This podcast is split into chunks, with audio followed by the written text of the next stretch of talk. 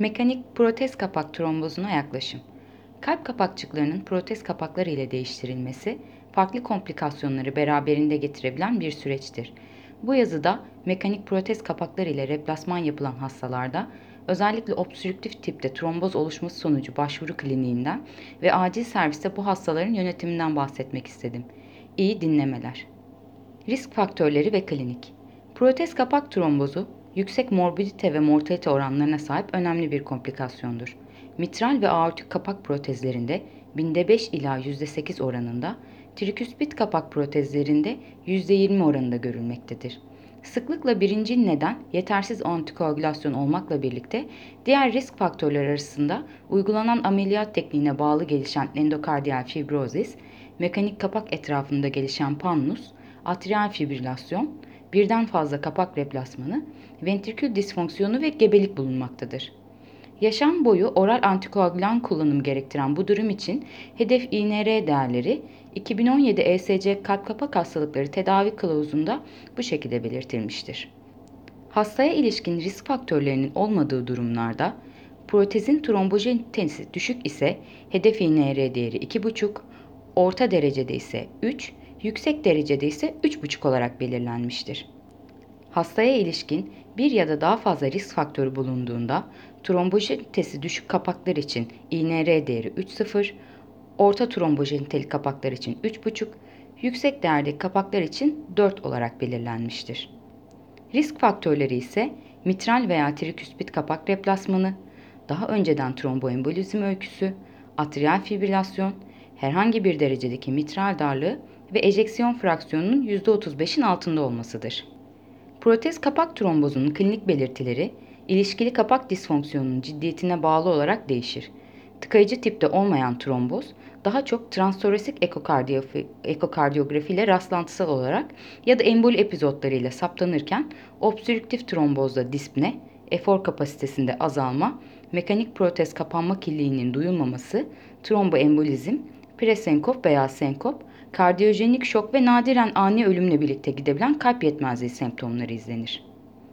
Tanı Transtoresik ekokardiyografi, protez kapak trombozunun saptanmasında genellikle ilk yöntemdir. Transprostatik basınç gradiyentinde artış, kapak alanında azalma veya şüpheli vejetasyonlar görülmesi tanıyı destekler. Transözofajiyal ekokardiyografi, tanının netleştirilmesi, trombüs büyüklüğünün, mobilitesinin ve sol atrial ve veya sol atrial apendikse trombüs varlığının değerlendirilmesi, pannus ve organize trombüs oluşumunun belirlenmesinde altın standarttır ve tedavi öncesinde mutlaka uygulanmalıdır. Protez kapakların akış hızı değerlendirme ilkeleri doğal kapak darlığında kullanılanlara benzer.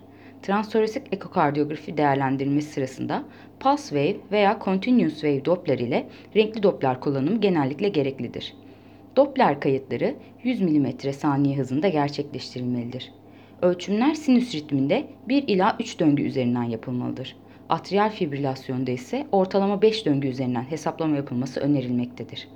Kalp atım hızı transtoresik ekokardiyografi muayenesinde önemli bir noktadır ve fizyolojik kalp atım süresi boyunca Doppler ölçümleri yapılmalıdır.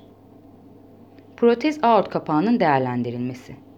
Aort pozisyonu için gerekli Doppler ölçümleri tepe hız, ortalama gradyan, hız zaman integrali, Doppler hız endeksi ve efektif orifis alanıdır. Aort kapağı için transvalvüler akıştan başlayarak maksimum hıza kadar olan zam maksimum hıza kadar olan zaman olan ivmelenme zamanı 100 mm saniyenin altında ise normal fonksiyonu gösterir. Doppler hız indeksi 0.25'in altında ve ivmelenme zamanı 100 mm saniyenin üzerinde ise prostetik aort kapağı darlığı olduğu gösterilir. Kapak alanının değerlendirilmesi ve kapak pozisyonu değerlendirilmesi için transözofageal eko ile değerlendirme ön plana çıkar ve efektif orifis alanı 0.8 cm kare bölü metrekarenin altında olduğunda obstrüksiyondan söz edilir.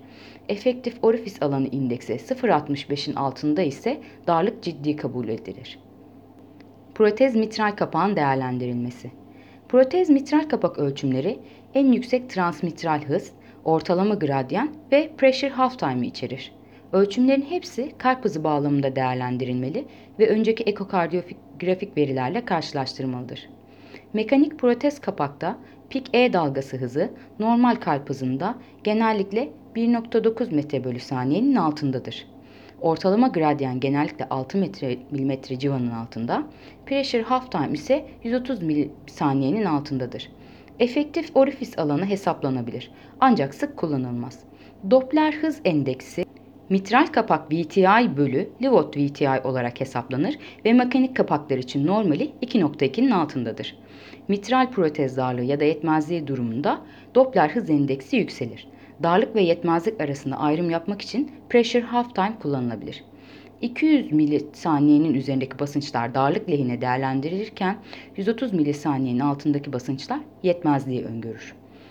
Transözofagel ekokardiyografi patolojiyi tanımlamada ön planda olsa da mevcut olmadığında veya yapılamadığında sinefloroskopi ve veya multidetektör kardiyak BT mekanik kapak hareketini değerlendirmek için yararlı olabilir. Sinefloroskopi invazif olmayan bir görüntüleme tekniğidir. Biliflet kapaklarda diskler doğrudan görselleştirilebilir ve kapakların açılma, kapanma açıları ölçülebilir.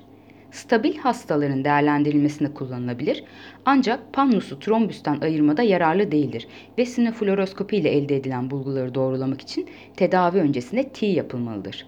Multidedektör kardiyak BT, biliflet mekanik kapakların fonksiyonel değerlendirilmesi için klinik şüphe durumunda T'yi tamamlamak üzere kullanılabilir. Özellikle çift taraflı mekanik kapaklı hastalarda T sırasında oluşacak akustik gölgelenme yorumlamayı zorlaştırabilir. Düşük atenyüasyon seviyeleri trombüsü desteklerken yüksek atenyüasyon seviyeleri pannus lehine değerlendirilir.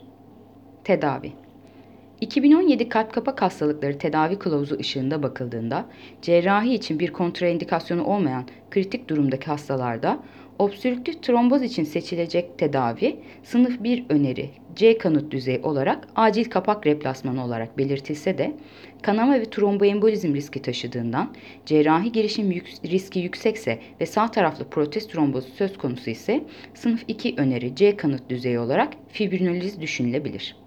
Kılavuzda önerilen fibrinolitik tedavi iki şekildedir. An fraksiyonu heparin ile birlikte önce bolus 10 mg, sonra 90 dakikada 90 mg rekombinant dokuplazminojen aktivatörü ve an fraksiyonu heparin olmaksızın 60 dakika boyunca 1 milyon 500 bin ünite streptokinaz. Sol taraflı mekanik kapak trombozlarında sistemik emboli ve intrakraniyal kanama riski trombolitik kullanımını kısıtlayan önemli komplikasyonlardandır. Çok merkezli bir çalışma olan PRO-T'de trombüs alanının 0.8 cm ve üzerinde oluşu sistemik emboli için fonksiyonel kapasiteden bağımsız olarak öngördürücü bulunmuştur. Çeşitli merkezlerde trombolitik tedavi düşük doz yavaş infüzyon rekombinant doku plazminojen aktivatörü protokolü olarak uygulanmaya başlamış yeni ve olumlu olabilecek bir yöntem olarak çeşitli olgu sunumlarıyla bildirilmiştir. Son söz. Mekanik protez kapak obstrüksiyonu, antikoagülasyon, tromboliz veya kapak ameliyatı ile tedavi edilebildiğinden trombüs ve pannus arasındaki ayrım üzerine odaklanır. New York Kalp Birliği sınıf 3 ila 4 semptomlarına neden olan obstrüktif, sol taraflı mekanik kapak trombozu olan hastalar acil müdahale gerektirir acil servise kalp yetmezliği semptomlarıyla başvuran, özellikle yetersiz antikoagülasyon altında olan kapak replasmanlı hastalarda kapak trombozu ve disfonksiyonu mutlaka akla gelmesi gereken bir tanıdır.